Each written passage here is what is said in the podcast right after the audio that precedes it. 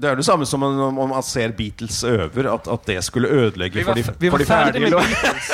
Vi var jeg, ferdig med jeg reagerte på det. Beatles. Det var veldig mye som Beatles.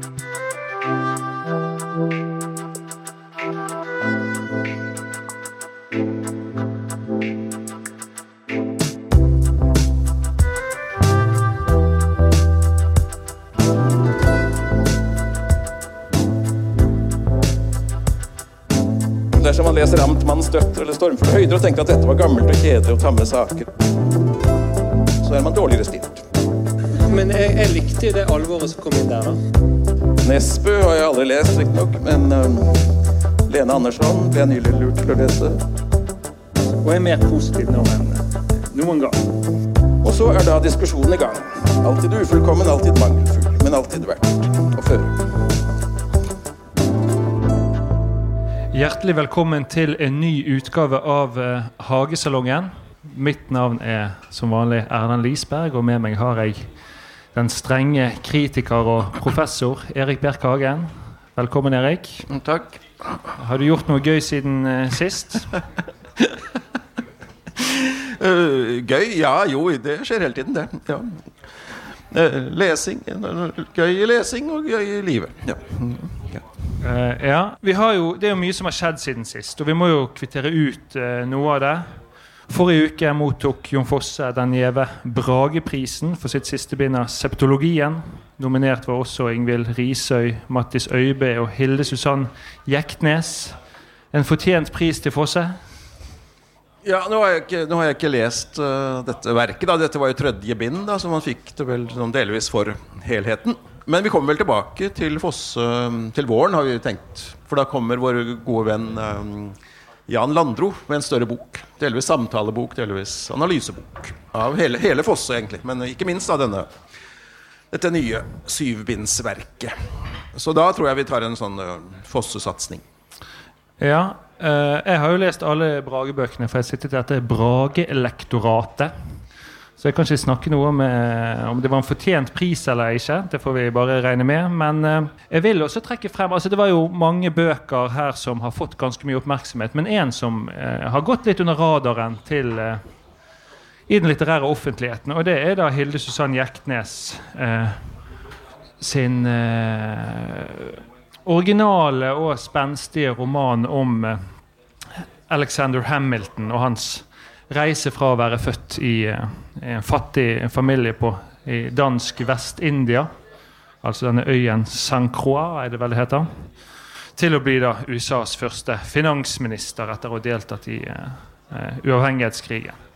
Et eh, veldig originalt og merkverdig romanprosjekt. da. Ja, absolutt. Han er jo en av de store grunnlovsfedrene. Han er vel på er det tidollarseddelen han er på? Alltid har vært. Ja, det er en sånn uh, referanse i romanen der uh, til The Wire, som vi ikke skal gå inn på, der de diskuterer dem nettopp uh... Litt rar bok. Jeg ble bedt om å anmelde den da den kom, faktisk. Da, men jeg tenkte nei, jeg har ikke tid. Pluss jeg må, da må jeg drive litt research mer på, på Hamilton osv. Men jeg angrer på det nå, for det er veldig lettlest. og jeg har bare begynt å lese på den. sånn, Lest en tredjedel. Men det er veldig lettlest og veldig underholdende og fin bok. Ja, ja ganske morsom. Ja. Fortelles av ulike stemmer. da. Eh, både hans huslave og hans familie, hans bror og hans politiske rivaler og, og venner, da, som eh, danner et slags større bilde av Hamiltons liv òg i denne tiden. Og skrevet på en veldig sånn lett, frekk måte. på en måte Griper Gripe liksom et sånn, så, stort, eh, så stort historisk emne, og så gjøre, gjøre det en veldig sånn fre- frekk, liten roman av det. det. Og veldig fine disse tidlige barndomsskildringene, faktisk. Da han og, han og hans slaver og alt det der. Mm. Eller familiens slaver. Ja, ja, en veldig lutfattig familie, men et par slaver hadde de selvfølgelig. Uh, senere i denne utgaven så skal vi også innom uh, igjen innom nobelprisvinneren Abdul Razak Gurna. Vi skal snakke om mottakelsen av Per Pettersons uh, bok, eh, siste bok, 'Mitt Abruzzo', og det sprikende anmelderiet. Hva det vil si å bli nullet av Kulturrådet. Og så skal vi diskutere om, og eventuelt hvorfor, da, eh, kritikerne som eh, eh, folk flest er livredde for poesien. Ikke bare for å lese den, men også særlig for å skrive om den. Underveis får vi også besøk av lyrikkforsker og professor i nordisk litteratur Jørgen Seierstedt. Men aller først til en gammel spalte. Når vi åpner en ny bok, håper vi på et mirakel. At vi virkelig skal like det vi leser. Månedens høydepunkt. Vi har jo egentlig kuttet denne spalten, for det gikk litt treigt i starten. Men nå har vi introdusert den igjen eh, for, eh, for eh, denne enkelte podkasten, da. Og Grunnen skal vi komme tilbake til, men vi kan ta mitt høydepunkt først. Og det er jo Erlend Nødtvedts løsslupne historiske roman 'Mordet på Henrik Ibsen'. Om Ibsens tid i Bergen, der han jobbet ved Den nasjonale scene på oppdrag fra Ole Bull. Jeg anmeldte jo denne boken. Har aldri ledd så mye av en roman. Syns den var utrolig eh, morsom, men beskyldte jo den for å være kanskje stå i fare for å være for lokal. da. Aldri ledd så mye. Ja, Nei, aldri av en bok. Det er helt, helt uh, tydelig. Det er en av de, uh, den, den morsomste romanen jeg noen gang har lest. Altså, det sier jo ikke så mye. Da. Det er ikke så mange morsomme romaner som gis ut uh, uh, vanligvis. Ikke som du har lest, i hvert fall. Ja, det kommer sånne frekkheter. Uh, men jeg skrev jo da at den var i fare for å være for lokal, men der fikk jeg jo passet mitt påskrevet, for den har jo blitt hyllet både innenfor, men særlig da utenfor også hele Vestlandet.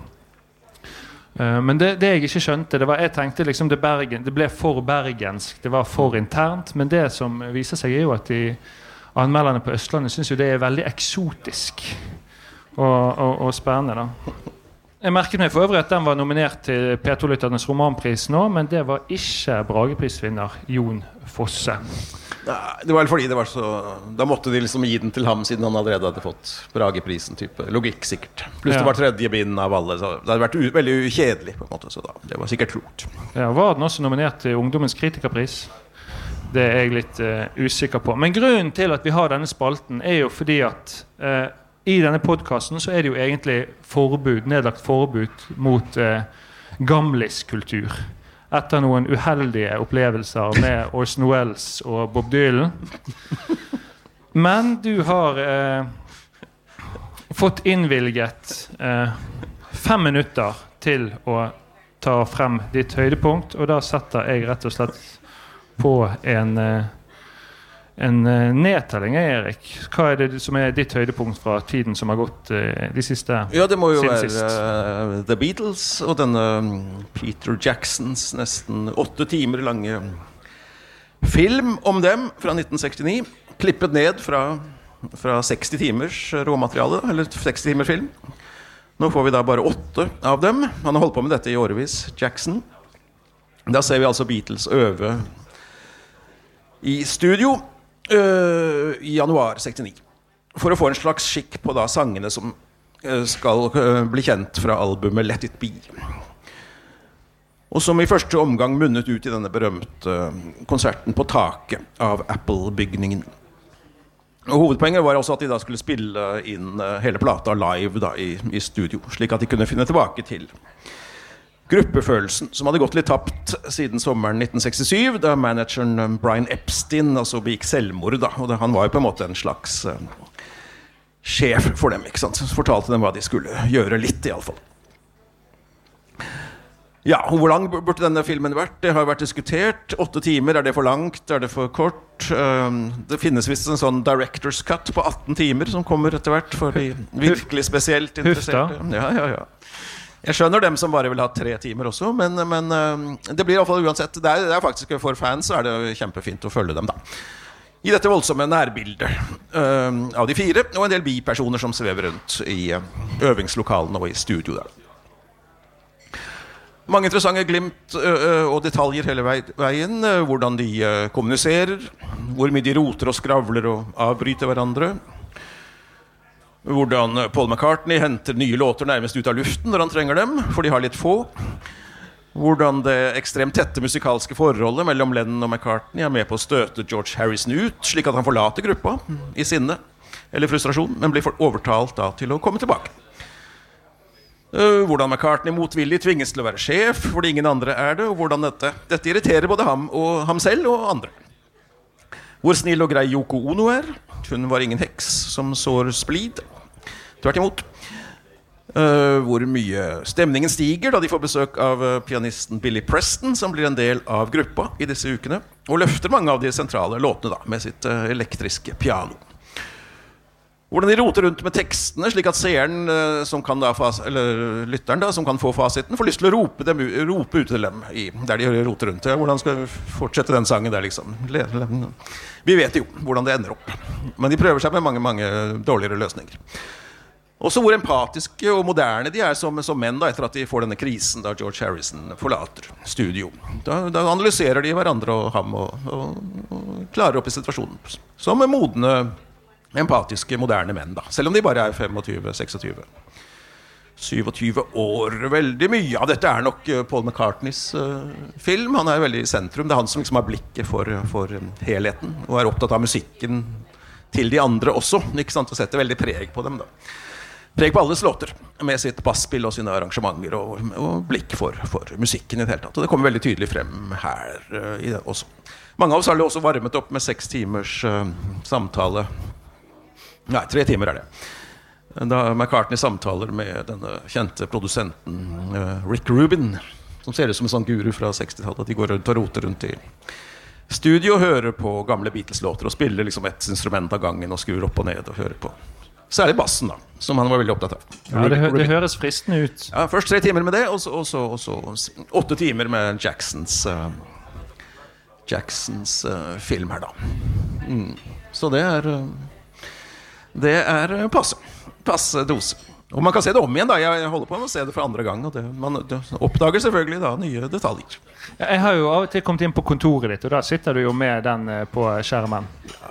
Ja, og man må se på alt, da, for, for, for de, de, de gode detaljene kommer jo ofte frem eh, der man minst venter det. Det er bemerkelsesverdig. Av og til når man går inn på kontoret til Erik, så sitter han og ser på eh, Du så jo Sopranos en periode eh, Ja. i kontortiden. Fire episoder hver eh, arbeidsdag. Ja, to om kvelden hjemme, en om morgenen på kontoret, en øh, på kontoret før jeg gikk hjem. Ja. Fire timer. Det var akkurat passe rytme for Sopranos. Det stemmer, det. Så etter jeg var ferdig, hadde gjort det i tre uker, da var jeg klar for å gjøre det hver dag i resten av året. Mm. Det var, føltes det tomt ikke å ha fire episoder. Og med Beatles-dokumentaren blir det nå samme, Ja, det, man, samme rytme rytme. Der kan man holde på i det uendelige. Da. Mange blir jo helt gale, for de hører jo disse Det er jo bare fem låter de spiller på denne takkonserten, og, og vi hører dem jo i halvveis, underveis, i um, halvgode versjoner, da. Opptil ti ganger, kanskje. De samme, lå- de samme låtene. Så, men, Der gikk uh, stoppeklokken. Vi går eh, videre.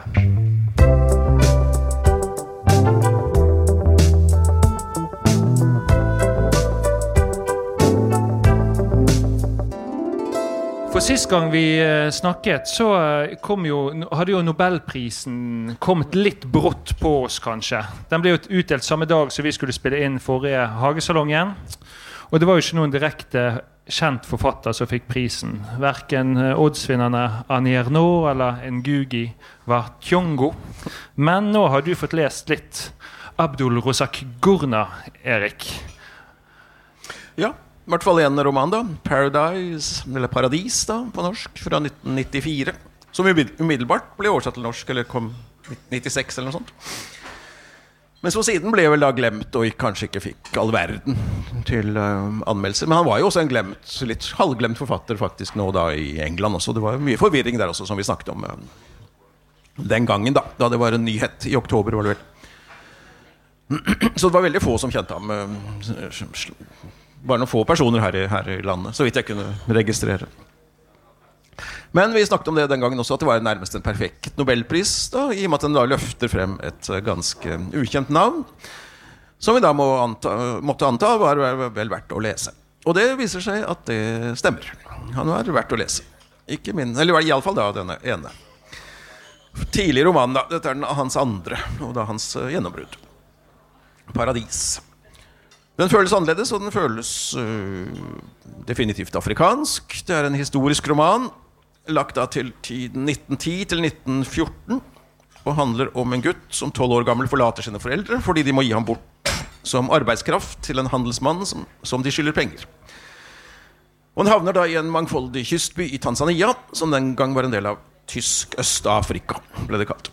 Arabere, indere, afrikanere, tyskere eksisterer da side om side i i boken i et, i et voldsomt kulturelt kaos.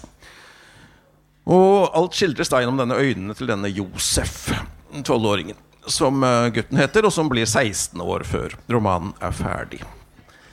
Han blir også med da handelsmannen eh, på en større ekspedisjon til Kongo, altså det virkelig indre Afrika. Og hele tiden så skjønner han eh, noe av det som foregår rundt ham, men slett ikke alt. Og boken får denne halvforståelsen, veldig vage halvforståelsen da, veldig, veldig godt frem. Eh, to det er hovedtrekk ved den. Altså alle, absolutt alle personene i boken hviler i en gjennomført moralsk tvetydighet. Eh, Deres gode og mindre gode sider øh, øh, eksisterer eller flyter over i hverandre, kan vi si. De relativt truende og uvennlige skikkelsene overrasker like ofte med sin godhet som de gode plutselig kan, eh, kan bryte ut i vold eller voldsom overtro eller et halvforbrytersk eh, skjult liv.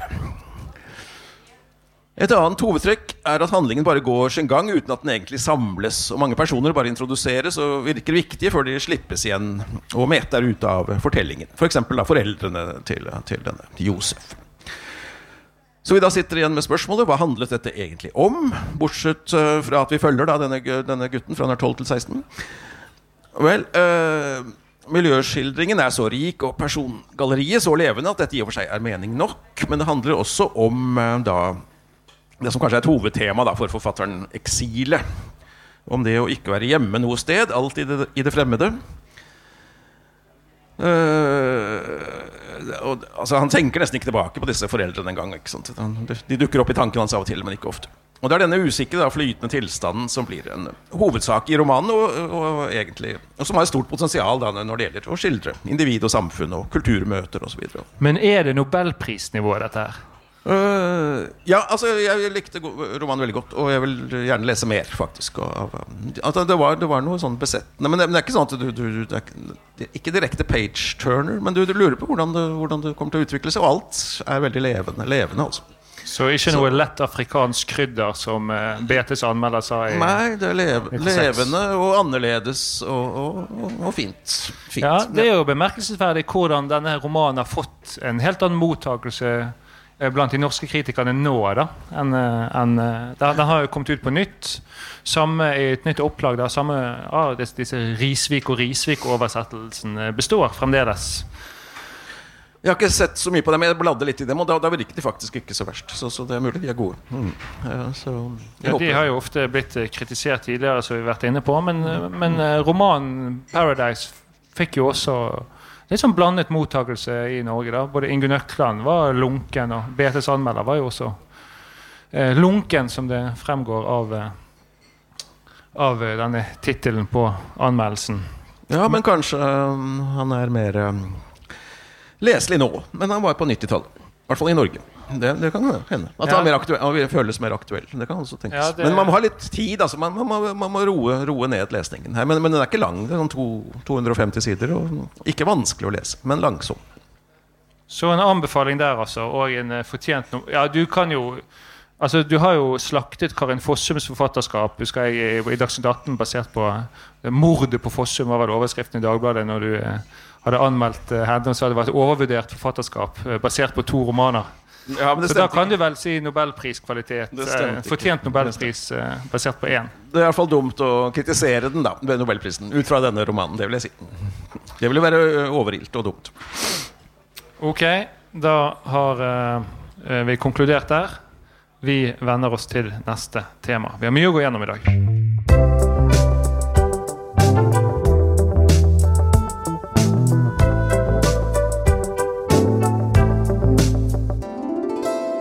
En av de litterære snakkisene i høst har jo vært den splittete mottagelsen av Per Pettersons bok 'Mitt Abruzzo'. Boken, som har undertittelen 'Journal 21. i første til eh, 18. i 7. 2011', er jo en slags dagbok fra denne eh, tiden, pandemitiden, hvor eh, Petterson, en av våre mest respekterte forfattere, har, eh, opplever å ha skrivesperre da, og prøver å skrive seg ut av eh, av dette da, gjennom å, å føre en eh, dagbok som etter hvert eh, vel, eh, kommer blir på over 400 sider. Det er ikke bare liksom hverdagslige hendelser som uh, vi møter. Det er litt sånn der Petterson på gården og bilturer i denne jeepen hans osv. Den er på reparasjon. Kommer, blir den ferdig til neste uke?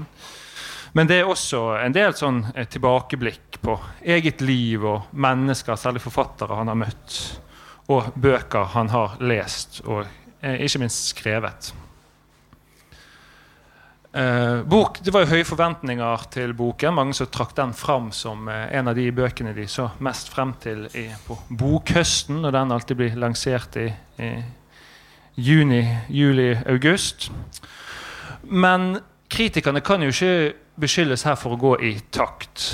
Dagbladet Katrine, Katrine Krøger ble jo trollbundet. Pettersons desperate dagbok er skrevet med en så intens og nærmest manisk tilstedeværelse at jeg blir helt slått ut. Terningkast seks.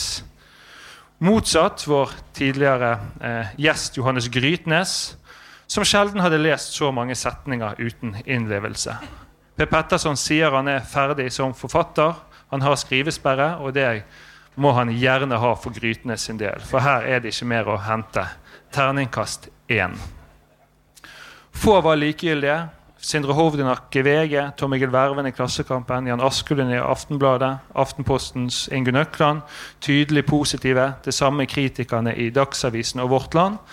Mens eh, Morgenbladets Bernhard Ellefsen var tydelig negativ. Og også vel NRKs eh, Knut Hoem, der, som mente det var for der det vanligvis var mye gull og lite eh, grus hos eh, Petterson, så her var det for mye grus i maskineriet. Men stort sett mest positiv, så vidt jeg husker. Ja, Mye grus var noen sånne Ok, okay, overskrifter. Men hva er det som skjedde her, egentlig, Erik? Hvis det er gull innimellom, så er så er det er jo grus. eh, Det tåler man en del grus. Eh, hva, hva spurte du om? Altså, hva var det som skjedde? Hvorfor delte kritikerne seg så? Eh, hvor står det i spagat? De fleste var jo faktisk relativt positive. Flertallet var, var ganske positive fordi de følte at det var, det var, øh, det var Pettersons vanlige musikk. Vanlige stemme, vanlige stil, vanlige nærvær. De kjente, de kjente igjen alt fra romanene, tror jeg.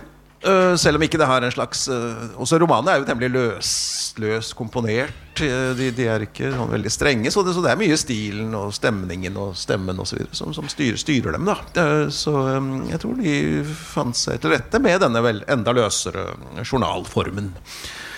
Og de gjenkjente altså hans Og det kom enda, noe, av, noe av hans, noen av hans øh, kvaliteter eller karakteristika kom enda tydeligere frem, kanskje. Altså dette med, med, med Usikkerheten, staheten, stoltheten Han er liksom øh, Han er jo Han han har en slags sånn øh, dårlig selvfølelse, da, delvis pga. at han øh, ikke har noe utdannelse.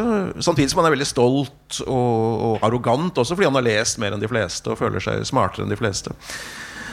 Eh, Så han vakler typisk sånn kunstneraktig kanskje da, mellom, mellom megaloman selvtillit og dyp usikkerhet. Og, skriv, og skrivingene er for ham på en måte det som, som gjør at han Han har jo også, som han sier, en sånn ADHD-diagnose, som han egentlig har hatt hele tiden. ja. og fortsatt har som voksen. Øh, så, øh, og da er på en måte dette med skriving det som holder ham sammen, da, får man sterk følelsen av her. Og Derfor er det en genuin desperasjon i denne boken når han ikke lenger kan Ettersom han ikke lenger kan skrive, faktisk. Så han har jo begynt på en, har kommet i gang med en roman, og så plutselig er det stopp. Hva skal han gjøre da? Jo, han går ned i skrivestua og begynner å skrive journalen og skrive hva som skjer utenfor vinduet, og, og kommer med naturbeskrivelser, som han alltid har gjort, for eksempel, og begynner der. Og så, så, så, skriver han om livet på denne lille gården han og kona har drevet sammen i 30 år, er det vel. Det høres jo ikke spesielt lesverdig ut. Jo, hvis det er Petterson som snakker. Han er jo tross alt en av Norges beste forfattere, da, etter, etter, no, etter manges mening, blant annet. Da. Jeg vil egentlig støtte det. Så, jeg, jeg syns alt var gjenkjennelig. Pluss, altså, vi får jo også da en slags Han, har jo han skriver stort sett nesten bare selvbiografiske romaner på et eller annet vis. Om Arvid Jansen, heter han vel. Som han kaller, han, han kaller um, en stuntmann. Hans stuntmann i virkeligheten, eller noe slikt.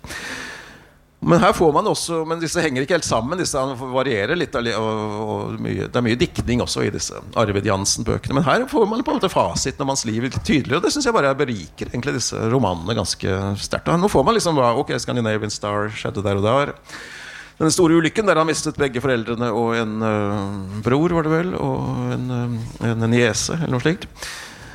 Uh, og vi får skilsmissen som han har skrevet om. Den, den er nå plassert liksom i 1987, før Scandinavian Star. Jeg synes det er greit. Og, og, og du, du, får liksom tydeligere, tydeligere. Og, det, og, det, er interessant at du gjenkjenner jo veldig, veldig personen. Du kjenner, Fra romanen kjenner du den danske moren og hennes foreldre der nede i Fredrikshavn og sommerstedet i nord for København osv. Nei, Fredrikshavn osv. Så, så, så, jeg syns også det er greit å få denne, denne fasiten på plass. På en måte, og så, så ser, du, ser, du, romanen i forhold til den. Det, det, det, det, er en annen kvalitet her, da. Men altså, hvis man liker, liker hvordan han skriver første, Hans første kritiker var jo, var jo kona, som, han, som, som han ga de første 50 sidene før han torde å spise det til, til andre. Og, da, og da, Det første hun sa da, var Ja, men dette er jo deg, det er masse energi. Og da fikk han selvtillit. Og det, det syns jeg er et godt, god, god en god karakteristikk av hele boka. på et, på et vis Og den blir også, Han skriver seg også på en måte i form, og den blir mer, mer sterkere jo mer, mer, mer, lenger den varer. Og den har også en slags plott. altså Han skriver seg gjennom noen traumer der med, med, med, med Scandinavian Star og egentlig gjennom hele denne, denne manglende selvtilliten og, og, hele denne klasseunderlegenheten som alltid har ligget der på et eller annet vis. Da. Så du er mer på Team Krøger enn Team Grytnes? Ja, jeg syns, syns Krøger var på, helt på merket, egentlig. Ja, for jeg er jo på Team Grytnes. For jeg syns denne romanen var utrolig intetsigende og overfladisk. Nei, boken da, utrolig overfladisk og, og platt. Men ikke én på terningen? Nei, kanskje ikke én. Det er Ja, det er noe kråkesølv, iallfall, kan vi si. Det er ikke bare vanlig grus, da. Uh, han snakker jo for snakker Han jo alltid Han sier aldri noe substansielt om det han, uh, han, han nevner jo så utrolig mye han leser og forfatteren han møter, men det blir hele tiden sånn der overfladisk. Uh, han om, når han snakker om bøkene, så sier han hvor han kjøpte dem, hvor de står i bokhyllen, hvor mange sider de har. Og så konkluderer han liksom bare sånn Ja, den var litt kjedelig. Og det er bare helt altså, Jeg kan jo jeg kan lese et parti. Siden du har hatt så mange sitater Siden du har hatt så mange sitater opp igjennom, så kan jo jeg også Jeg slår tilbake med to med umiddelbart. Så her er, her er liksom nivået. Jeg leste ferdig Pasternaks sjølbiografiske essayer på kjøkkenet i morges. Boka er ikke veldig tjukk. Ca.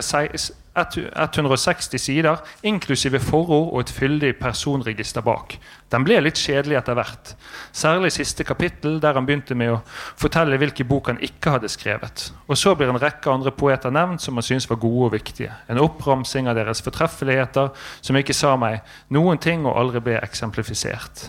Men den første halvparten og litt mer var bra. Jeg likte barndommen, portrettet av Majakovskij, av Skriabin av faren hans, og jeg leste boka ferdig. Jeg kjøpte Skriabins symfonier for ti år siden. Nei, mer. To CD-er med preludier. Jeg har spilt dem mange ganger. Jeg setter dem på nå. Fint. Jeg har fortsatt lyst til å lese Dr. Chivago. Jeg har én norskoversettelse fra 70-tallet og to forskjellige engelske. Jeg kjøpte først den ene, den siste, og så sa Joff er det vel, at den forrige var mye bedre. Så da kjøpte jeg den også. Inntil videre har jeg ikke lest noen av dem.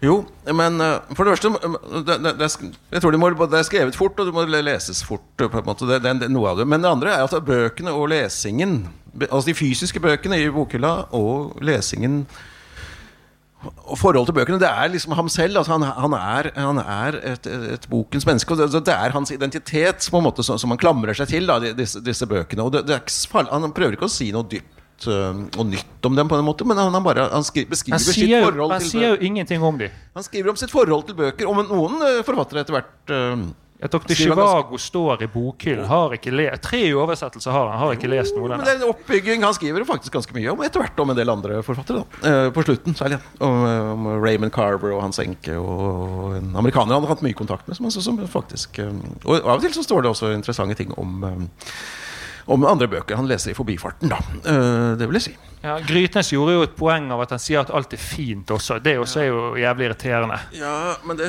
det, det er sånt Hemingway-uttrykk at good James, James Woods essay var fine å lese om igjen. Vivian Gornicks essay i The New York Times var også fine.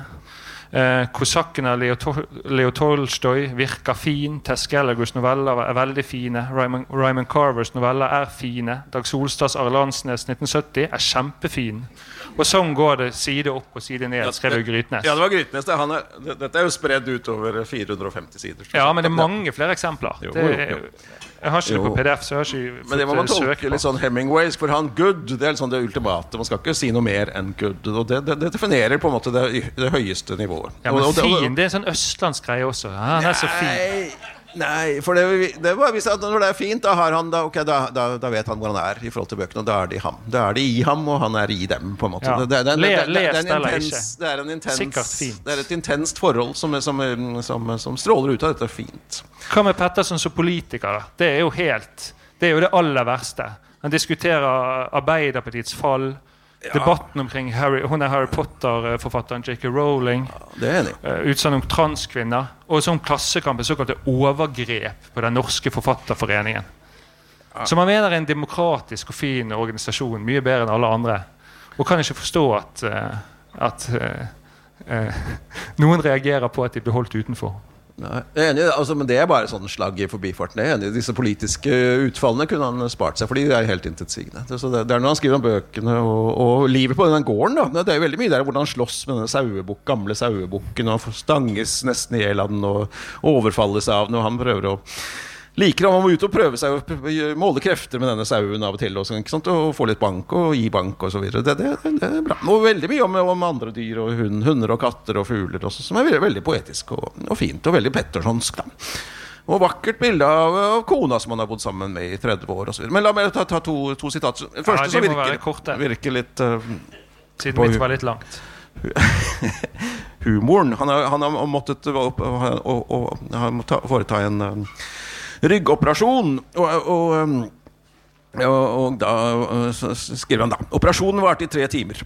Den har gjort meg enda kortere, som om jeg ikke var kort nok fra før. Jeg syns det er litt dumt, det må jeg innrømme. Jeg har aldri vært høy og mørk, bare kort og mørk.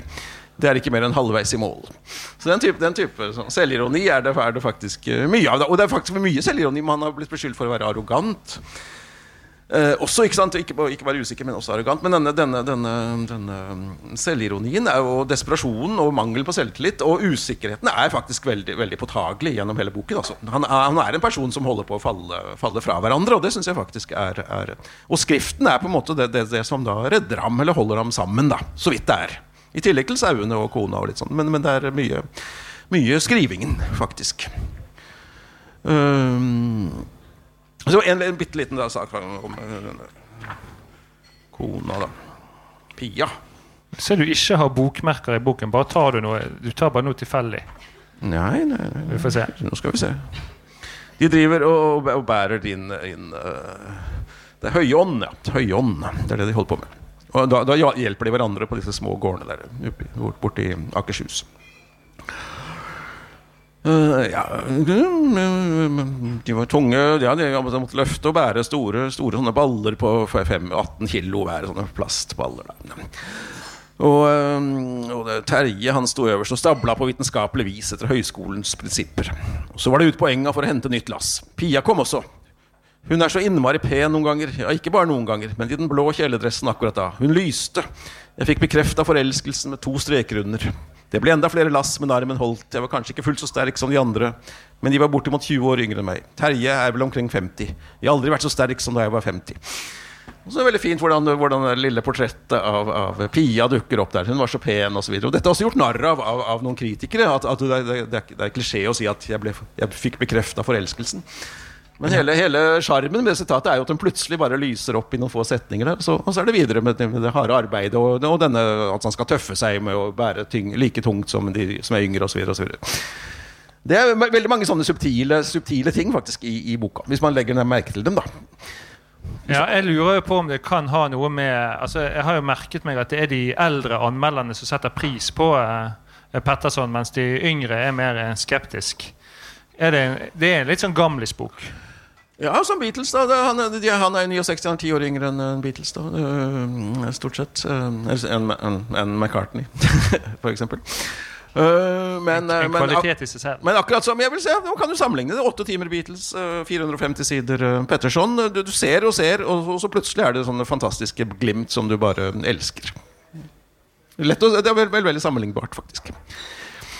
For noen. Eh, men dette sprikende anmelderiet må vi snakke litt mer eh, generelt om. Og da skal vi få med vår eh, gjest i dag.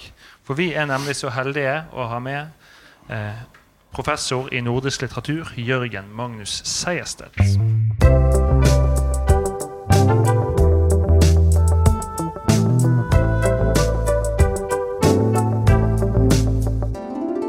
Ja, velkommen til Hagesalongen, eh, Jørgen.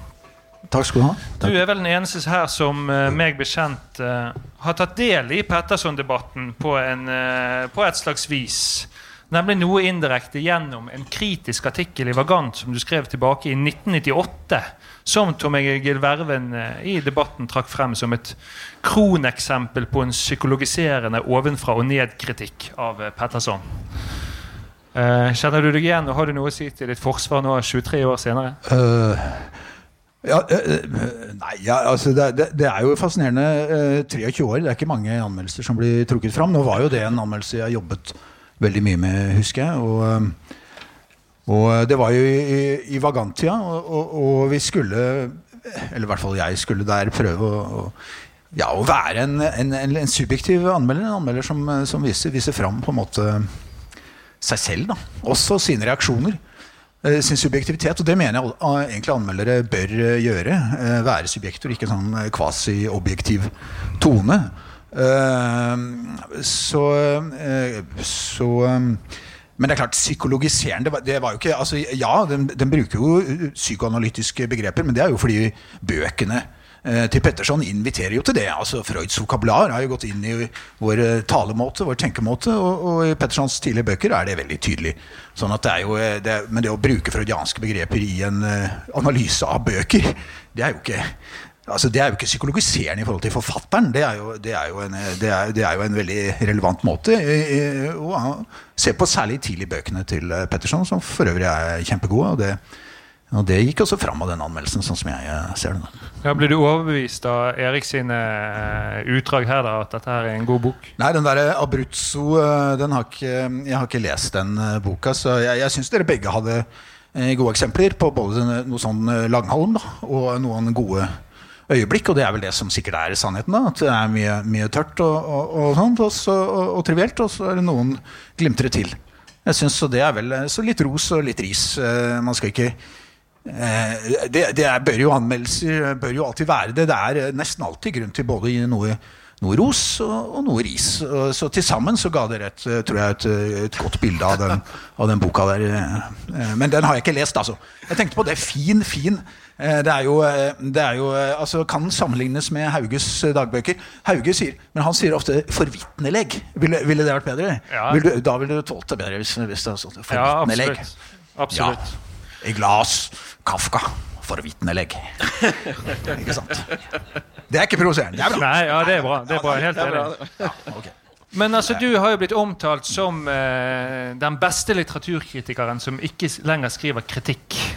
Ja, Hvorfor- det var jo en person du- som eh, Det var jo en nær kollega. Han har kontor rett over gangen. Så det, Men hvorfor sluttet du å skrive kritikk? Eh, ja, det er, det er jo interessant. Det er lenge siden jeg har skrevet en kritikk. det er riktig det. Nå har jeg jo, uh, har jeg jo uh, hatt hva skal jeg si, mer sånn administrative verv de siste årene, så jeg har rett og slett ikke hatt tid. For man må være inne i feltet da, tenker jeg, og, og lese en del for å, for å drive mm, litteraturkritikk. Men det er jo også det er jo andre grunner. Det er jo fordi det er, veldig, det er en veldig utakknemlig jobb, sånn som jeg ser det. Det er en, det er en møkkajobb, og du får bare det er, masse, det er mye jobb det er mye jobb hvis du skal gjøre det ordentlig, og du får eh, veldig lite igjen for det. Og, og mye sure du, du stiller deg selv eh, for eh, lett til hogg.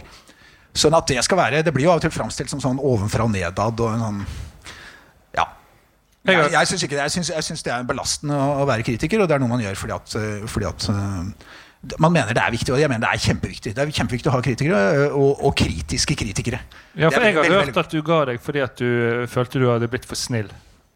Det er riktig. Det var, nei, si, det, det var faktisk en, en, en, en, reell eh, negativ erfaring jeg hadde. At, at jeg hadde skrevet en, kritikk som, som, som eh, hvor jeg, jeg merket det sjøl. Det var bare rett og slett var, eh, Jeg turte ikke å si det jeg mente.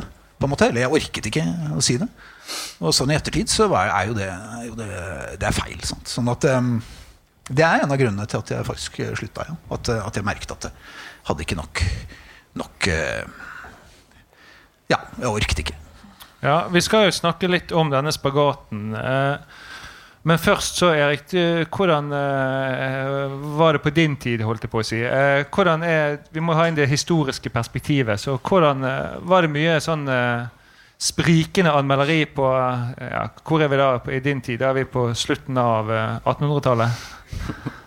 Ja, ja og nei. Det har jo selvfølgelig alltid vært men ikke, ikke i sånn ekstrem grad heller. Eh, Så, så det er på en måte Jeg tenker Hvis vi virkelig tar helheten for oss, da 1830 eller 1850 til i dag så syns jeg eh, norsk litteraturkritikk har en ærerik historie om at det ikke er for mye sånn i meningsløs krangel og, og, og total spagat. Men heller ikke for mye enighet og sånn, sånn overdreven konsensus. Da. Så, så jeg syns spillet er faktisk veldig godt. Og de, de gangene kritikken blir hengende litt bakpå, det skjer jo i sånne fornyelsestider og bruddtider, så, så henter kritikken seg ganske fort inn igjen også. Da. Bare for å ta noen få bitte små eksempler. da Bjørnson var jo kontroversiell gjennom hele sin, sin, sitt, sitt forfatterskap. Da ble angrepet mye av de fra de konservative og forsvart av de radikale. Men ikke på noen entydig måte. Det er ofte interessant også å lese den konservative kritikken av Bjørnson. Da. Og, de radikale øh, forsvarerne av ham var jo slett ikke alltid enige heller. Det, så, så, så det gikk jo det skillet mellom Det var en politisk strid på en måte om Bjørnson, men, men, men, men, men, men, men fornuftig fornuftig argumentasjon på begge sider likevel, da. Når det gjaldt uh, Ibsen, så var han uh, litt heldigere med kritikerne lenge. Fordi der var det ofte store divergenser i tolkningene av hans skuespill, men de var enige om at det var, var bra, altså, både fra høyre og venstre. Brann er det store eksempelet der det var ekstrem mye, ekstremt mye krangel om tolkningen allerede i 1866, da det kom ut. da i hvert fall minst ni-ti av de anmeldelsene fra den gang er virkelig gode, god lesning i dag, og er grunnleggende egentlig i brannforskningen. Så det er muligens høydepunktet i norsk litteraturkritikks historie. Men han hadde også, Det er jo lange, dette er lange, ganske lange tekster. Sant? Eh, Ganske. Ja, de var lange tekster. Så, at dette er ikke, Ja. dette er ikke aviskritikk. En av dem var jo fire lange Morgenblad-kronikker, f.eks. Ja. Uh, var først etter at, uh, at, at han begynte å bli litt mer dunkel og modernistisk fra og med Villand, at, at kritikeren liksom mistet ham av syne. Da. Og da, da var det liksom For eksempel Hedda Gable fikk jo merkelig, merkelig dårlig kritikk både fra høyre og venstre. Altså, altså, de er dårlig skrevet, og de skjønner ingenting, liksom. Og de er, de er negative. Altså. Da, da, da hadde de mistet taket. Men så henter de seg inn igjen da etter at Ibsen er død.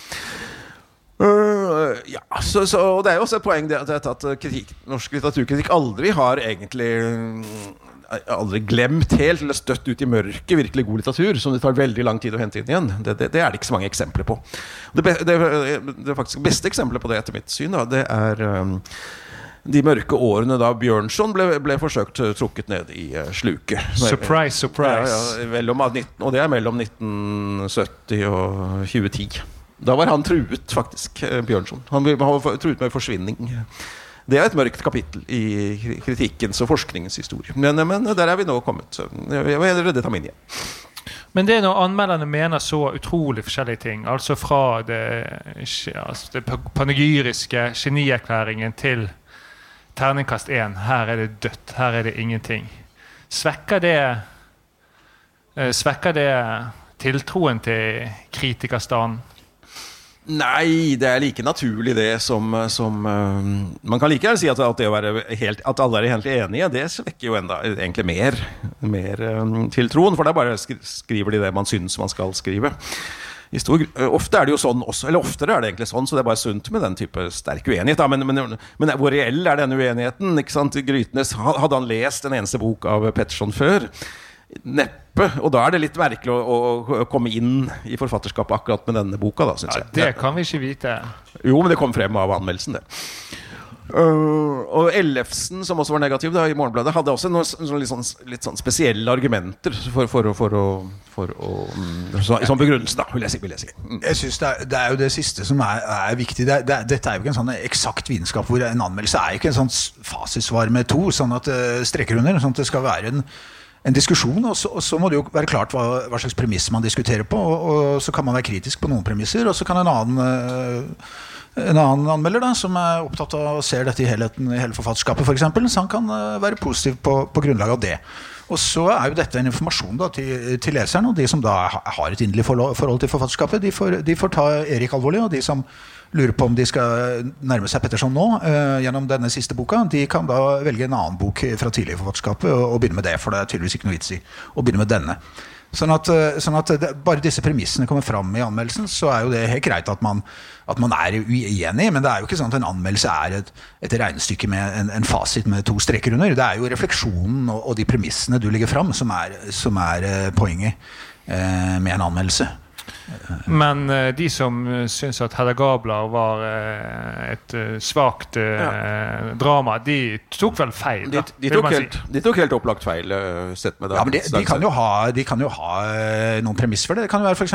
moralsk. sant? Eh, Monrad, når han anmeldte gjengangere, var det det? Det- Det er jo i og for seg på en måte en, en positiv anmeldelse, men han er jo uenig i det, da, hele, hele verdigrunnlaget. Så sier han men dette er bra, for dette, dette viser jo at hvis kristendommen faller, eh, sånn som eh, Ibsen vil, da, som er ateist, ja, da, da faller all moral. Sant? Da er det da er eh, mord eller, eller, eller ja, eh, sånn ja, hjelp til mord, og det, hjelp til selvmord, mener jeg, og, og incest, og, og alt bare faller sammen. Ingen moral er igjen. Så derfor så det, var det positivt for Monrad, men det er jo egentlig en, en veldig kritikk av, av Ibsens mer sånn frigjørende prosjekt. Sant? Så sånt er en, en bevisst skjevlesning. Men, men da gjør han det på sine premisser. Eh, så, og da er ikke det feil. Det, jo, det, det kommer an på hva du mener om, om de verdipremissene som Monrad la til grunn da. da. Sånn at det er jo det som må komme fram i anmeldelsen. Eh, og så kan man jo bedømme ut ifra det.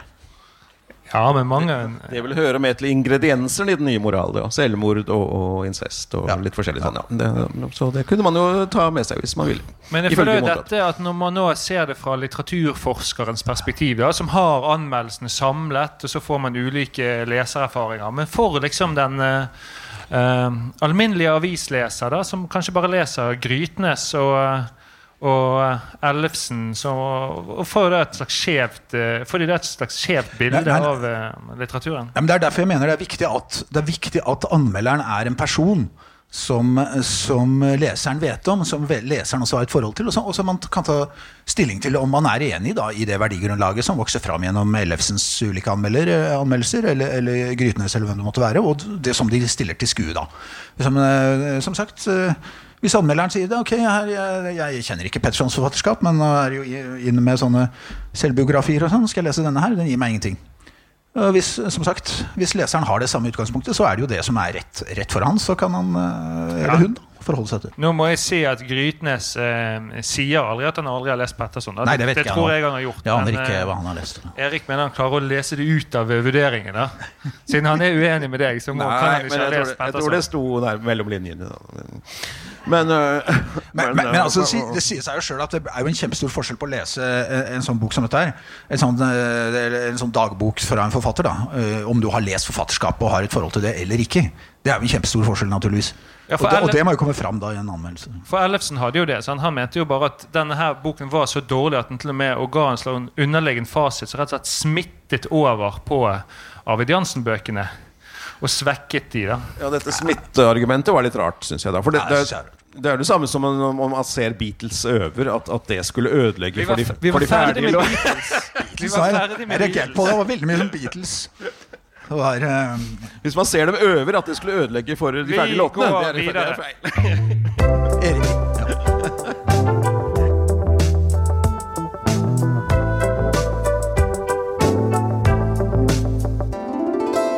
Med jevne mellomrom kommer de, oppslagene om bøker som har blitt såkalt nullet. Dvs. Si ikke funnet gode nok eh, til å bli kjøpt inn eh, til eh, landets biblioteker under da, denne innkjøpsordningen. Innkjøpsordningen er jo da en støtteordning for norske bokutgivelser som, sant, som eh, der Norsk kulturråd kjøper inn 773 eksemplarer av de fleste nye norske bøker, som de så fordeler til bibliotekene rundt om i landet. Som gjør at eh, forlagene kan eh, satse på eh, å gi ut en del utgivelser som ikke vil som ikke er lønnsomme på bokmarkedet selv. Og Denne ordningen er jo såkalt automatisk, så vil Si at forlagene kan forvente at bøkene blir kjøpt inn. Men selv om de da i ettertid blir bedømt og vurdert av Kulturrådets utvalg, og dersom de finner da at disse bøkene har, ikke har tilfredsstillende litterær verdi, så blir de såkalt nullet. Og de blir ikke kjøpt inn likevel, og forlagene får ikke penger da Louise Glick vant nobelprisen i fjor, ble det jo en del oppmerksomhet rundt at nettopp P. Pettersons gjendiktning av hennes diktsamling 'Averno' hadde blitt funnet for lett og nullet da den kom ut tre år tidligere. Og Denne høsten så vekket det en viss debatt da det ble kjent at Eirik Røkkums gjendiktning av T.S. Eliot, 'The Wasteland', utgitt på det lille forlaget Transfar, ble nullet av vurderingsutvalget for lyrikk.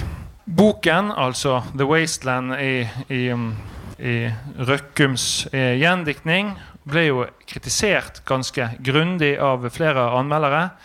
Da, som, men samtidig så fremhevet de da at dette var en verdifull utgivelse. Tydeligst på dette dobbeltsporet var nok vår kollega Gisle Selnes i Vagant. Som, i, eh, som da i det som Klassekampens kritiker Elin Kittelsen ble omtalt som en rekordlang pirkeanmeldelse først vel egentlig slaktet eh, denne gjendiktningen, før han likevel insisterte på utgivelsens viktighet, mente den utvilsomt burde kjøpes inn av Kulturrådet, og sto til med terningkast syv. Kan det være Kulturrådet bare hadde, altså utvalget bare hadde lest de tre første fjerdedelene av uh, Selnes tekst, uh, Erik? Mm, ja, nei, ja, ja, altså det var jo en kritisk nei. anmeldelse, denne som Selnes skrev. Men det var jo på et vis altså en diskuterende anmeldelse. Og det skal jo en anmeldelse, kritisk anmeldelse være. Og han, han fant gode sider, og han fant svakere sider. Men det som kjennetegner og, og, vektla da selvfølgelig i stor grad også da de, de men, men slett ikke bare de svake sidene. Det, men det som kjennetegner den utgivelsen, er at, at, han, at, han, skriver jo veldig mye om oversettelse og sine egne oversettelsesvalg osv. Denne Røkkum, da. Og, og han, han gjen, sammenligner hele tiden med den tidligere, anmel, den tidligere um, oversettelsen av Pål Brekke, som vel kom i um, 49. Ikke sant, Det er så lenge siden. Uh, og det er ganske klart den hadde sine svakheter. Opplagte svakheter. ikke sant, så, så, Og denne her har kanskje nye svakheter, men den her også en, uh, retter opp en del uh, som ikke var så bra hos Brekke osv. Og, og, og, og han, han blottstiller liksom på sine egne premisser, og han, han diskuterer ulike oversettelsesvalg. Og bare i lys av det så vil jeg si at denne boken jo selvfølgelig burde vært, burde vært innkjøpt. Og, og det er i hvert fall ikke noe dekning for det Gisle Selnes skrev, at den ikke burde vært innkjøpt, da. Selv om Nei, den burde, den burde vært innkjøpt. Ja. ja, Han skriver jo at den bør være innkjøpt. Eller? Ja, etterpå, ja. Men, men ikke men, Jo, i anmeldelsen. I, i, før, uh, før, den ble nullet. Ja, ja, ok, okay. Men, men, uansett. Så, um, det, men ingenting som kan brukes mot Man kunne jo brukt, brukt andre ting han skrev mot, mot den konklusjonen, da. Men, men, ingenting som, som tilsier det ut fra den helheten som, som nettopp, uh, hvor han nettopp diskuterer selve vanskelighetene med å oversette The Wasteland. Da. Altså denne forfatteren. oversetteren. Røkkum. Røkkum. Røkkum, ja. ja, ja. Uh, men kritikerne er jo ofte uenige med disse vurderingsutvalgene. Uh, uh, det er ikke sjelden man leser sånn overskrift 'Fikk terningkast seks, ble nullet'. Rost av kritikerne, likevel nullet. Jørgen, du har jo sittet i disse utvalgene. ja, jeg har sittet i såkalte ankenemnda, som nå ikke fins lenger. Og så har jeg vært vikar og såkalt suppliant i, i lyrikknemnda tidligere. Eh, det er, klart, man, det er viktig å være klar over man, man kan ikke kjøpe inn alt. da Og at eh, Da den eh, utmerkede ordninga, som er innkjøpsordninga, ble, ble, mm, startet, så, så, var det en annen situasjon. Da var det jo en mye større prosjekt på en måte å utgi en bok. Men nå har jo teknologien gjort at, at kan poppe opp Det er relativt sånn teknisk enkelt da å, å utgi en bok pga. tekstbehandling og, og bokinnbindingteknologi og sånne ting. sånn at det, det, det, blir utgitt utrolig mange bøker. Så for mange er det ganske kort vei. Og så har du mange forlag eller noen sånne hvor man selv kan finansiere utgivelser og sånne ting. Så, så, man er nødt til å sette grensa nå et eller annet sted hvis, hvis den ordninga skal eh, være oppe. Og, og da Eh, Kunne man jo tenke seg å gjøre det på forskjellige måter, men, men da, så har eh, man da valgt å gjøre det på en måte hvor man har et sånt Man sitter og vurderer, uavhengig eksempel av hvilket forlag uh, Mer eller mindre uavhengig da, av hvilket forlag det er som har utgitt uh, den boka. Eh, og det er uavhengig. Jeg ser av og til det er sånn, ja, nei, De store forlagene blir, blir, eh, blir liksom favorisert. Det er ikke min eh, erfaring fra ankeutvalget. sånn at det er en nødvendig jobb. Men det er ikke en ek eksakt vitenskap, så det kan, det kan jo hende av og til at det gjøres en feilvurdering, og da blåses det av og til stort opp. Men, men stort sett så er det er ganske greie avgjørelser. Da jeg gikk inn der, så tenkte jeg at ok, nå kan jeg komme inn her og, og redde mange sånne miskjente genier som ingen forstår, men som kanskje jeg kan forstå. og og liksom redde til innkjøp og sånne ting, men det er, det er, ikke, slik, eh, det er ikke slik det er. Eh, Som regel er det der ganske grei, grei skuring, og så er det selvfølgelig noen grensetilfeller som kan eh, vippe over, enten, enten innkjøp eller ikke, innkjøp, men det der at det er noen veldig gode ting som, som ikke blir kjøpt inn, det, det er sjelden, men det kan selvfølgelig forekomme. Det kan Ja. godt hende denne, denne gjendiktingen her er er et eksempel på det. Det kan godt være. Ja, for det er jo påfallende hvor mye middelmådige eh, romaner som blir kjøpt inn. da. Og så samtidig så er det ofte så rykker poeten ut eh, Ja, det, skal sånn, det skal ikke være en sånn veldig kresen det, det, det meste skal kjøpes inn. Ja. Ja, så, så det skal være relativt. Sånn at, øh, men synes, øh, men det er klart, øh, alle som prøver å sette en grense nå i, i den kulturen her, de får jo så hatten passer. Eh, men, men, men av og til så er det bare rett og slett nødvendig, og her er det jo et være eller ikke være for den ordningen. For noen må sette noen grenser der. Så, Men, så, men, men siden kritikerne vurderer en del av eh, bøkene så godt, da, og så, og så blir ikke de kjøpt inn, er det en, er det en annen måte man vurderer på i, i utvalgene? Nei, jeg husker det, Av og til så ble, ble sånn, I anker så ble av og til anmeldelser lagt ved. Men, men man legger ikke så stor vekt på anmeldelser. Det ikke, det er, det er i hvert fall min erfaring eh, da jeg var der. Det, det, mm, man sitter i det. I, da, det er kompetente lesere. Er noen, da jeg var der, var så var det jo noen veldig, veldig gode lesere. Blant annet han eh, Kleiva. Han var flink. Ja, så jeg er veldig imponert. Eh, så, så møtte vi mange gode lesere der. Gode diskusjoner. Men, men det er jo vanskelig å diskutere selvfølgelig eh, litterær kvalitet. Eh, men som, som sagt, som regel er, det ganske, ganske tydelig. Og så har du noen sånne som er ja, de er helt på grensen. Sant? Sånn, og da, da er det jo litt sånn Det kan være litt sånn, men tilfeldig da, hvor man detter ned. Men, men de, de der veldig gode, de veldig sånn feilene, det er ikke mange det- det er noen, da. Men det er litt gåtefullt, denne Elliot-eksempelet. Ja, Altså, det for det burde jo aldri vært nullet. Det er Ja, og. Glick, eh, kanskje, vil jeg tro. Selv om den, anmeld- nei, den eh, gjendiktningen fikk en del kritikk. Da, Jo, jo, eh, eh, Dere kan spare to eller tre eksempler, men det, det er greit. Det, det, må, det kan skje. Men altså, det er jo Det er noen, synd da, er jo noen kriterier. sant? Det skal være et helhetlig altså Som eh, utvalgene skal legge vekt på. Som man ikke opererer med litteraturkritikken. da. Det skal være et eh, eller, et helhetlig eh, Det ene er at det skal være et helhetlig litterært verk. At det skal ha tilstrekkelige språklige, kunstneriske og håndverksmessige kvaliteter. Og at det skal ha vært underlagt et nødvendig redaksjonelt arbeid.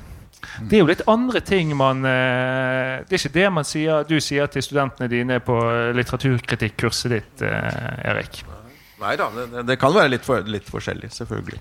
Men det er vel litt positivt. litt sånn, eh, altså, man vet jo ikke, Har det vært underlagt redaksjonelt Det er jo ikke det at man undersøker hvor mye tid forlaget har brukt, men det er klart er det kjempemye trykkfeil da, og, og sånne ting. Så det er klart det trekker ned uh, helhetsinntrykket. Det er, jo ikke til, å- det, det er vel de fleste enige i.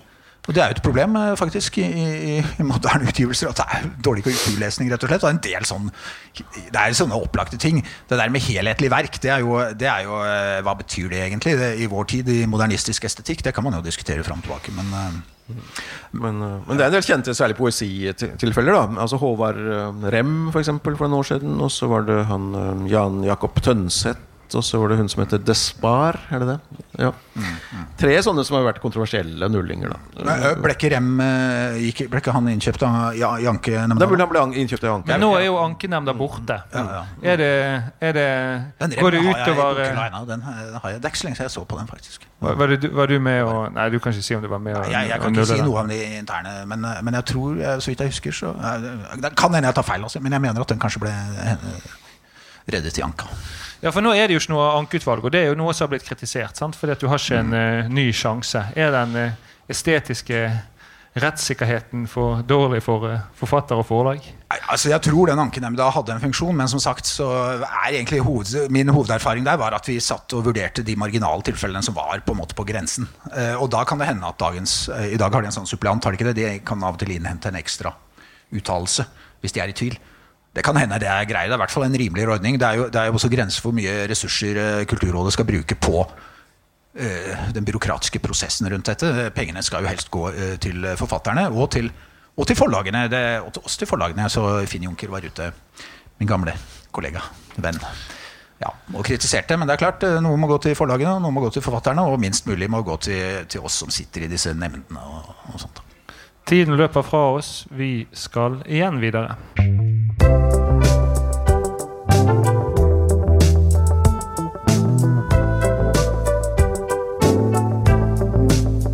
For siden vi sitter her i Henning Bergsvågs eh, arena, eh, så må vi jo snakke litt om poesi. Og Tidligere i høst så satt Månedsavisen Blad fokus på hvordan folk, både hvermannsen og litteraturkritikere, oppfatter poesien som vanskelig og avskrekkende.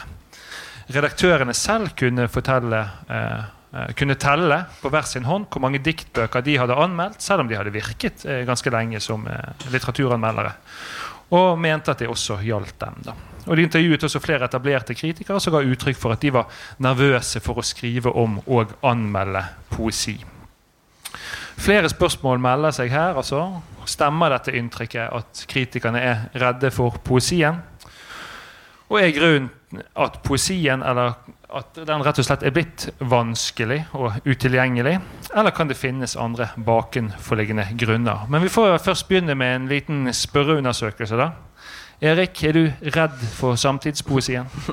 Nei, jeg vet ikke det akkurat. Men, altså det, men jeg, er ikke noen poesianmelder. Altså rett og slett fordi jeg, fordi jeg jeg har gjort andre ting. Ja, eh, så, så, så, så, jeg føler meg ikke kompetent til å begynne å, begynne å um, anmelde norsk samtidspoesi nå, nei. Jeg har lest for lite av den osv. Og, og, hva som leder opp til den, for så vidt også. Jeg, leser poesi av og til og fordyper meg i enkelte poeter, men, men, men, det er mer innimellom. Eh, så, angst ikke akkurat, men, men du kan ikke gjøre alt. Nei, jeg er selv litt, litt redd for poesien. Litt redd for at jeg ikke skal kunne forstå den og og, og, at jeg også, som Erik er inne på, det, ikke har så god oversikt. Verken over den eh, poesitradisjonen eller det som beveger seg her og nå i Norden eller internasjonalt.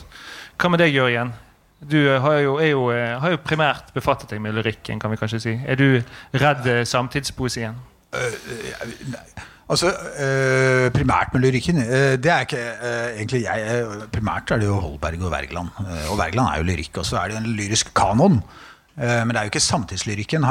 men det er klart da jeg satt i denne, dette utvalget, og sånn, så fikk jeg jo tilsendt da får man tilsendt veldig mye samtidslyrikk. Så da så jeg jo, leste jo ganske bredt. Og, og jeg har anmeldt en del samtidslyrikk. Det har gjort.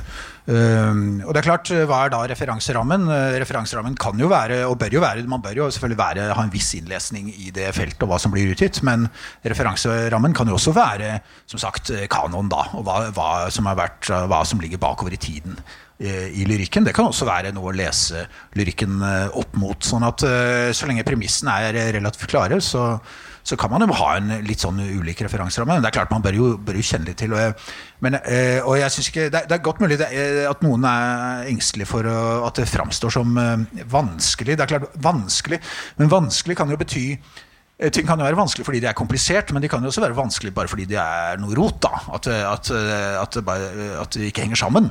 Så blir det vanskelig hvis du skal prøve å lage Sånn at, men det er jo det du som anmelder da må vise frem ditt arbeid. Sant? Lyrikken, sant? Den, den, gode lyrikken er jo ofte ikke så veldig vanskelig. Uh, enten det er ja, Olav H. Haug eller Rolf Jacobsen eller Øyvind Rimbreid eller Ingrid Nilsen eller Det er ikke så vanskelig.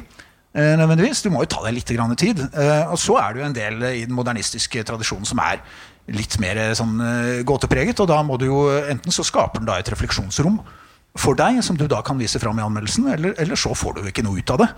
Og da må, må, du jo skrive det, da. Og så blir jo det da en, en, en kritikk.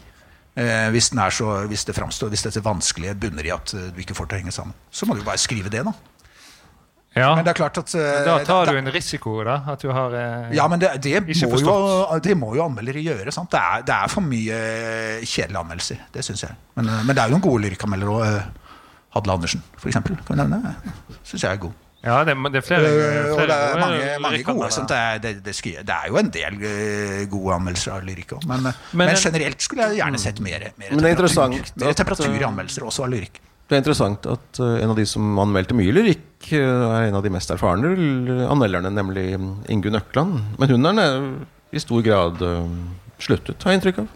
Hun, hun eh, anmelder klart mest eh, prosa. Og det, det, det kan jo være et symptom da på at, eh, på at poesien er blitt kjedeligere for henne. Ikke, ikke vet jeg, da, men det var bare en hypotese. Ja, altså Det er jo flere kritikere som svarte i denne her bladreportasjen. De hadde jo en sånn liten enket. Og blant En av de var jo da NRKs erfarne kritiker Marta Norheim, som fortalte at hun faktisk fryktet poesien og sliter å komme i dialog med den. Det er for langt mellom ordene til at hun får de til å henge sammen, og da går tankespinnet. Skal dette kanskje ikke henge sammen? Ligger det noe her jeg burde forstått? Skal jeg her meddikte? Og motsatt. Kan det virkelig være så enkelt at det egentlig må ligge noe under? Hva da?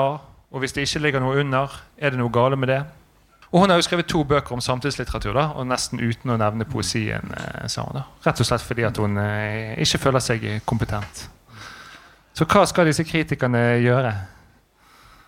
Nei, jeg, jeg synes Det er viktig å anmelde poesi. Eh, kjempeviktig. Både, både fordi det, det er en veldig viktig, viktig sjanger. Og, og det blir jo publisert ganske mye poesi, og det er viktig å få noen uh, tydelige kvalitetsdommer og noen, noen uh, ja, kritiske refleksjoner rundt de ulike diktsamlingene. Og at det ikke blir bare en, en helt sånn lukket krets.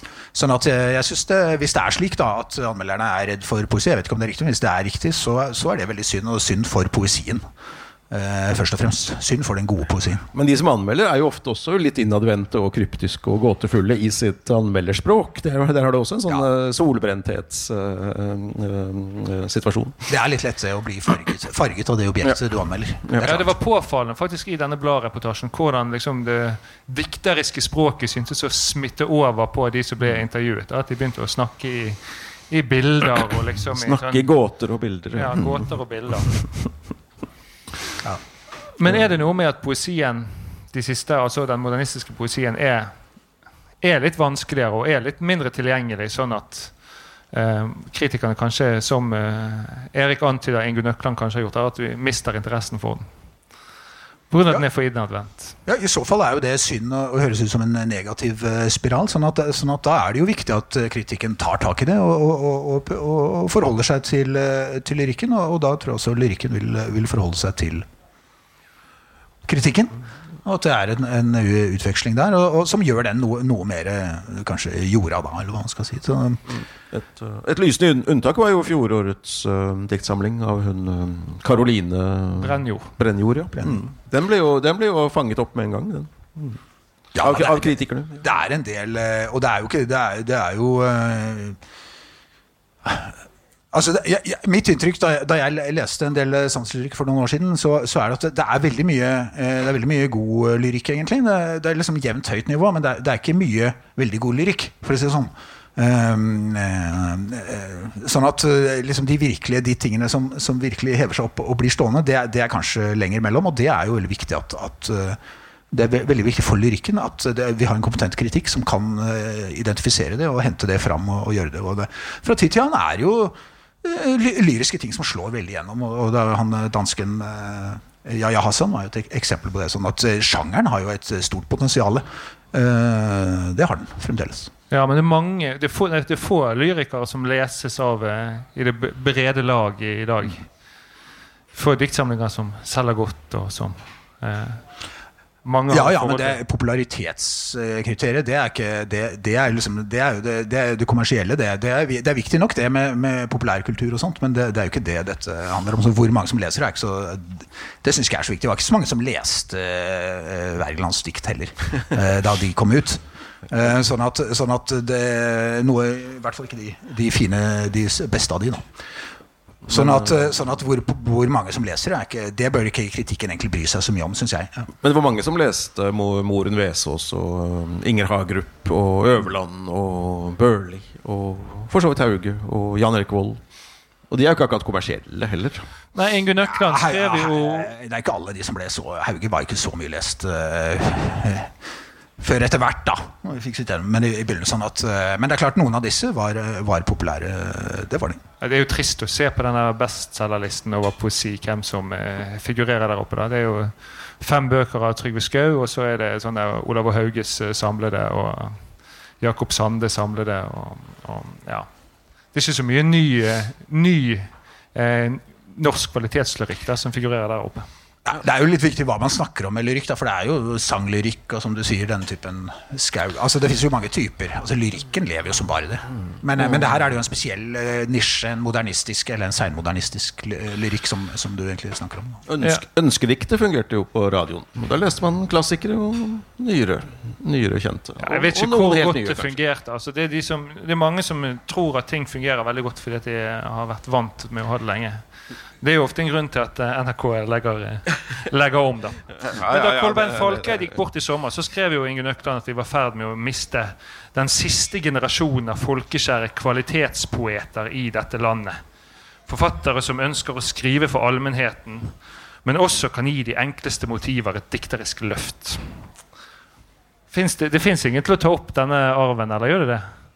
Jørgen, du som er Nei, så sier, jeg, jeg, jeg, altså det sa jeg da du inviterte meg her, at jeg per nå er ikke en lyrikkekspert i samtidslyrikken her. Så jeg, vil ikke trekke fram ett navn av, eh, av mulige, mulige samtidspoeter som kan løfte en sånn en sånn mm,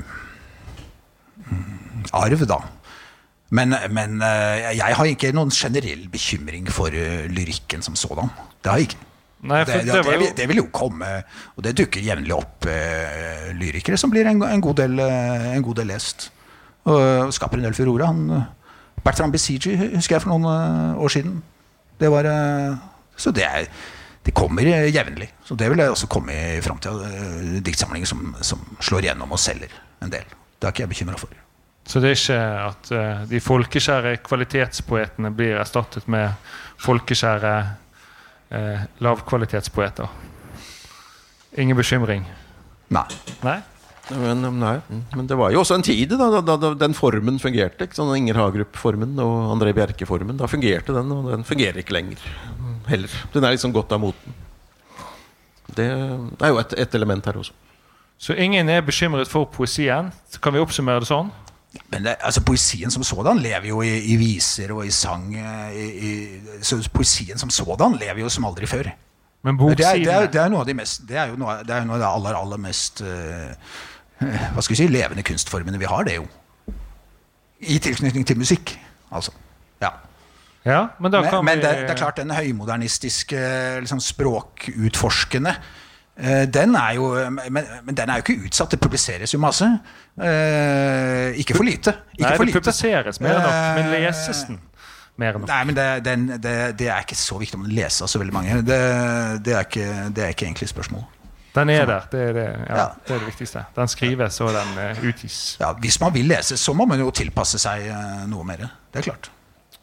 Ja, nei, men Men det er ganske rause, forhold i Norge sånn relativt sett for den typen eh, litteratur.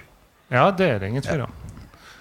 Men da konkluderer vi med at uh, poesien uh, lever i beste velgående. Ja, ja, det, det går fint. Og vi går til vår faste siste spalte. Var den god? Hvordan var den god? Hvorfor var den god? Hvor mange fullkomne Ibsen-skuespill finnes det? Ikke så mange. Ja, det, det, er flott. det var flott. Det var flott. Men jeg, jeg, jeg, Ibsen som forfatter hadde i det hele tatt sine begrensninger. For ikke å snakke om Hamsun unnsett Undset. Bjerk Hagens topp fem. Ja, Erik, da er det tid for din topp fem. Og vanligvis så vet jo jeg, eller har fått Jeg har iallfall i hvert fall en mistanke om hva det er du har eh, for ordet, men det har jeg faktisk ikke eh, denne gang. Er det gode boksider i eh, mitt Abruzzo? I så fall finner du vel kanskje bare fire. Det skal ikke handle om The Beatles og ikke Petterson, faktisk. Nei. Eh, Men eh, underlige feilvurderinger gjennom historien. Men det er det selvfølgelig mange å ta av der, da. Altså, så det har ikke blitt plass til mange. Men, eh, men litt sånn representativt utvalg. Eh, vi har jo hyllet tidligere eh, Dag Solstads 25. september-plassen fra 1970 Når kom den? 70, var det 72? 74? 74 var det vel. Den ble veldig kontroversiell, faktisk. da og det er også utgitt en stor bok med, om, av, av, av anmeldelser. Og delvis fordi det var en virkelighet. virkelighets Det handler jo om industribyen Halden. Og der br- br- brukte han jo mange, en, mange ledende menn i Halden under navns nevnelse. Så det ble en sånn virkelighetsdebatt der også, da. Skal du lese? Nei, bare, nei jeg skal jo bitte lite. Bitte lite. Eh, for- for- Vi er litt på overtid ja, men det går fort. Det går fort. For dette, dette er jo en sånn typisk anmeldelse som dukker opp eh, med jevne mellomrom. Da. Ikke sant? Så- og da skrev anmelderen i Moss, som altså var, også var fra Østfold. Men man vil etter denne bok ha mistet enhver tillit til dette forlagskonsulent som har narret forlaget til å la boken trykke og bli sendt ut i det tidligere så ansette forlagsnavn. Han- Solstad har gitt samtiden et eksempel på at trykkefriheten er et klenodium som stiller hver generasjon på en alvorlig prøve som enkelte ikke klarer. Så var, den, den type anmeldelser fantes uh, såpass eh, kort tid tilbake som, som, uh, som uh, 1974, da. Så det var eh, femteplass til eh, ja, den, den type. Den type. Altså, så 25. septemberplassen, en av de beste Solstad-bøkene. Men eh, den ble dømt nord og ned av en rekke. Fjerdeplass Olav H. Hauge om Prøysen, selv om det bare er hans dagbok i fem bind. Men i dag så har jo det status som, som anmelderi. Prøysen, uh, Olav Hauge skrev i 1972 ja, Prøysen inspirerer ikke, og han løfter ikke. Han var en rik, feit kjendis og gromgutt for storfolket.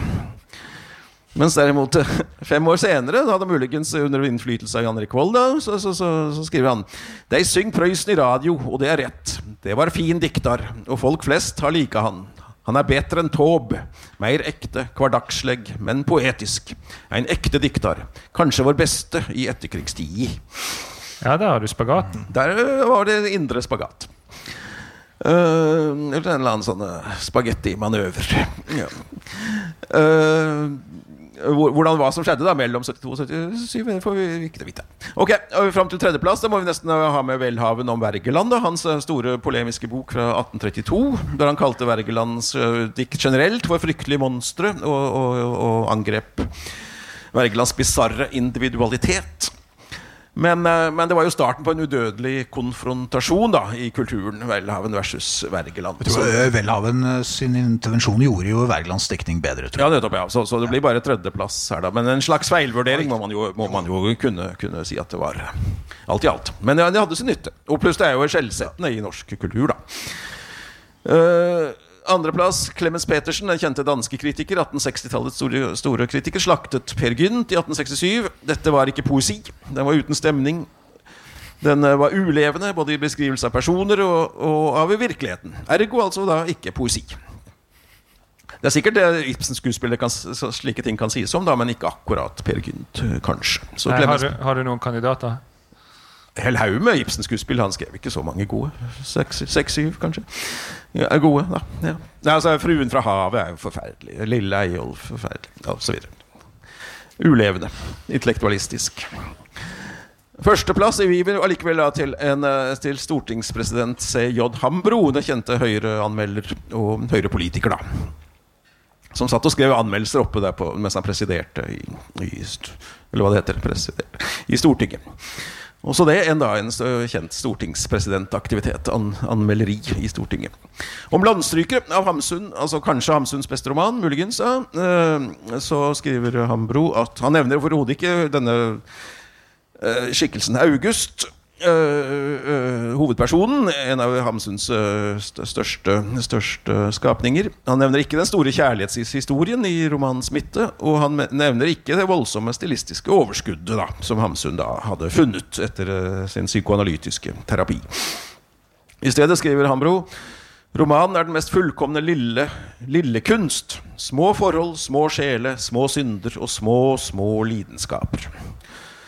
Igjen, det, det er mulig det finnes Hamsun-bøker dette kunne vært sagt uh, treffende om, da, men, men, men ikke akkurat øh, landstryk. Men når skrev Hambro det? Eh, Det kunne være 1927. Da, altså da den kom ut. da Altså Det var an, anmeldelse i Morgenbladet.